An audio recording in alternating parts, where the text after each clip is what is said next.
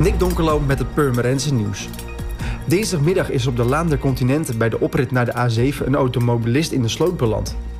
Tijdens het nemen van de rotonde vloog de bestelbus uit de bocht.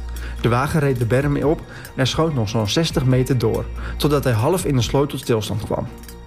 De gealarmeerde hulpdiensten waren er snel bij en konden de persoon helpen in de ambulance, waarna hij met spoed naar het ziekenhuis is vervoerd. De afgelopen week is het aantal opnames van coronapatiënten licht gedaald en dat betekent dat er in het Dijklander ziekenhuis wat meer ruimte komt voor zorg aan andere patiënten. Vanaf dinsdag 28 april komt de polyklinische zorg voorzichtig weer op gang voor patiënten die de zorg het hardst nodig hebben. In de hele regio zijn gezamenlijke afspraken gemaakt over welke patiënten als eerst geholpen moeten worden. Dat betekent niet dat automatisch in alle gevallen dat de patiënten van wie hun behandeling al een tijd geleden is uitgesteld, nu als eerste aan de beurt zijn.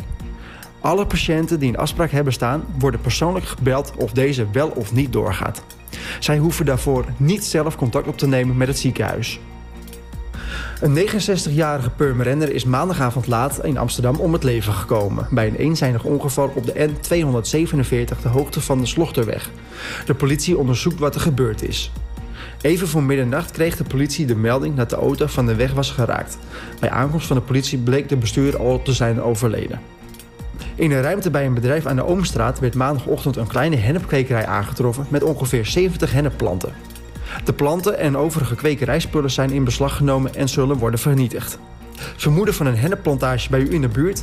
Meld het de politie op nummer 0900 8844 of via Meld Misdaad Anoniem. Dat kan op nummer 0800 7000.